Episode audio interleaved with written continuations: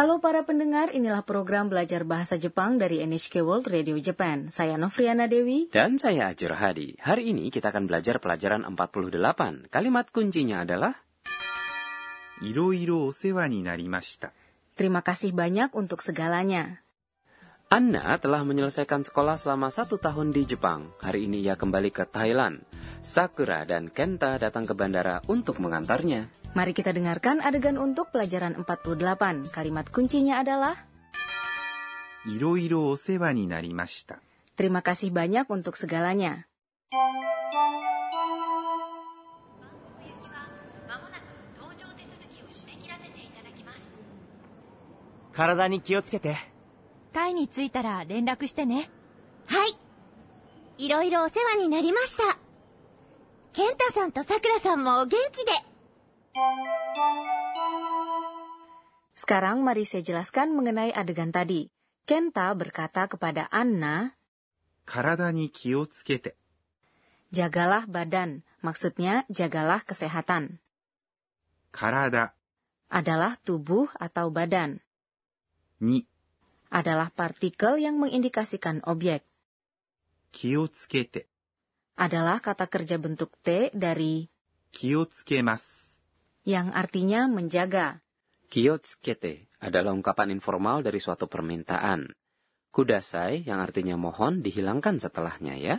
Ya, kita juga mengatakan kiyotsukete yang artinya jagalah atau berhati-hatilah kepada anggota keluarga kita saat mereka pergi keluar. Kita menggunakan partikel ni untuk mengindikasikan objek kata kerja ini ya, yaitu terhadap apa kita harus berhati-hati.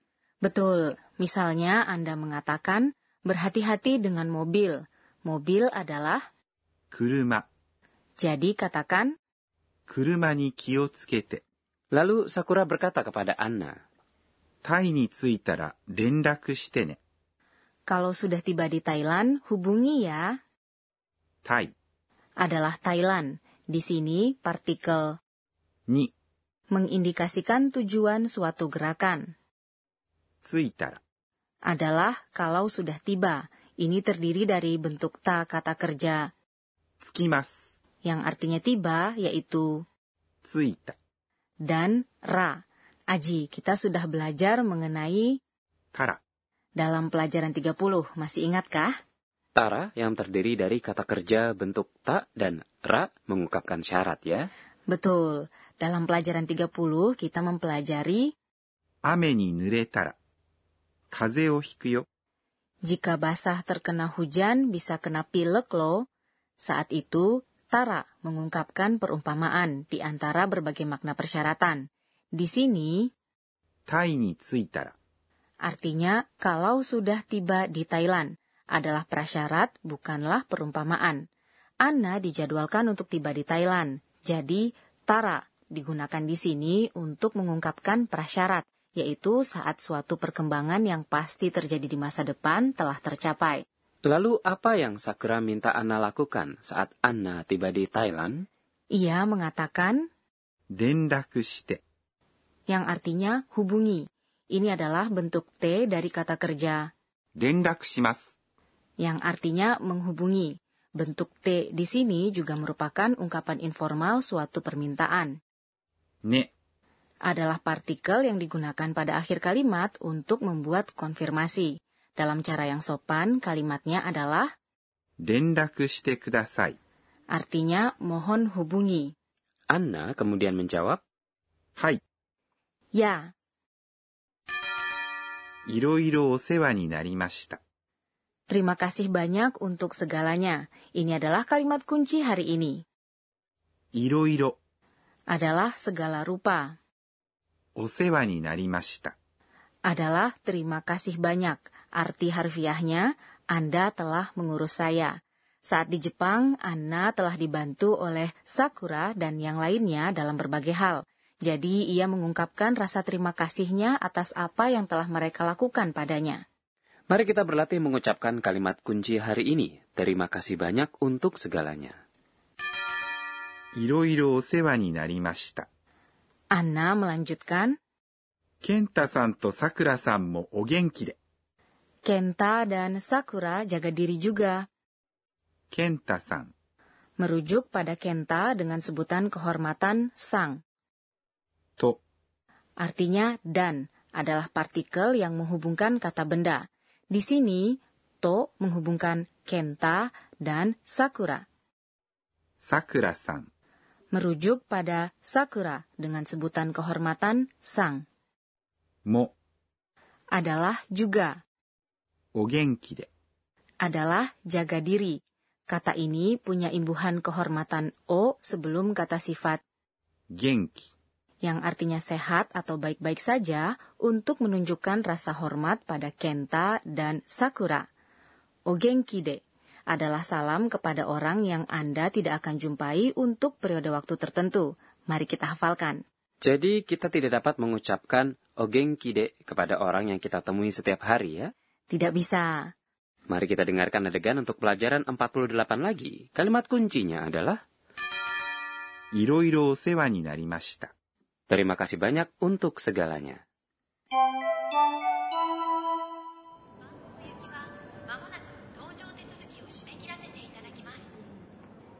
体に気をつけて。タイに着いたら連絡してね。はい。いろいろお世話になりました。ケンタさんとさくらさんもお元気で。Sekarang waktunya pojok Sensei Oshiete. Penyelia program ini, Profesor Akanito Kunaga, akan mengajarkan mengenai pelajaran kita. Dalam pelajaran terakhir ini, kami ingin Profesor Tokunaga mengajarkan apa yang harus kita ingat untuk mencoba berkomunikasi lebih baik menggunakan bahasa Jepang.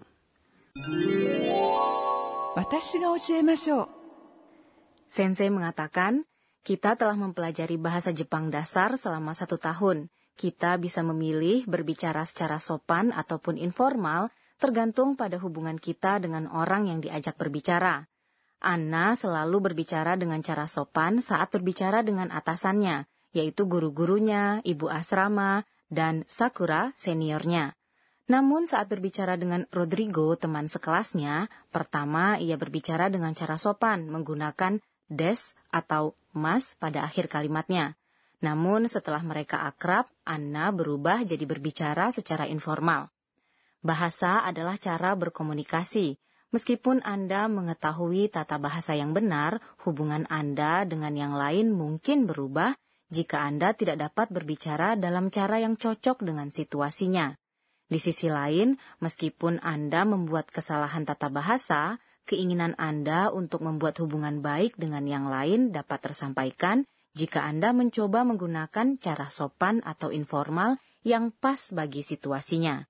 Jadi berbicaralah dalam bahasa Jepang sesering mungkin dan jadikan diri terbiasa pada bahasanya dan berbagai situasi.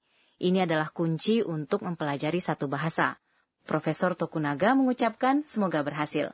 Itulah tadi pojok Sensei Oshiete. Berikutnya adalah pojok kata tiruan bunyi yang terakhir. Sudah jelas ini suara orang tertawa. Ya, ahaha. Menggambarkan bagaimana Anda tertawa dengan gembira hingga mulut terbuka lebar. Lalu bagaimana dengan yang berikut ini? ini juga suara tertawa? Uhuhu. Menggambarkan suara tertawa dengan mulut terbuka tidak begitu lebar. Kata ini sering digunakan untuk menggambarkan bagaimana seorang wanita tertawa dengan tertahan. Dan demikian pojok kata tiruan bunyi hari ini. Sebelum menutup perjumpaan, inilah pojok catatan si Anna. えーっと、今日は。 Semuanya, sayonara. Sampai berjumpa lagi. Saat saya datang ke Jepang lagi, saya pasti sudah dapat berbicara bahasa Jepang jauh lebih baik. Apakah Anda menikmati pelajaran terakhir kita, yaitu pelajaran 48? Kalimat kunci hari ini adalah いろいろお世話になりました。 Terima kasih banyak untuk segalanya. Dan terima kasih telah mendengarkan belajar bahasa Jepang selama satu tahun. Minasang, o genki de. Sayonara.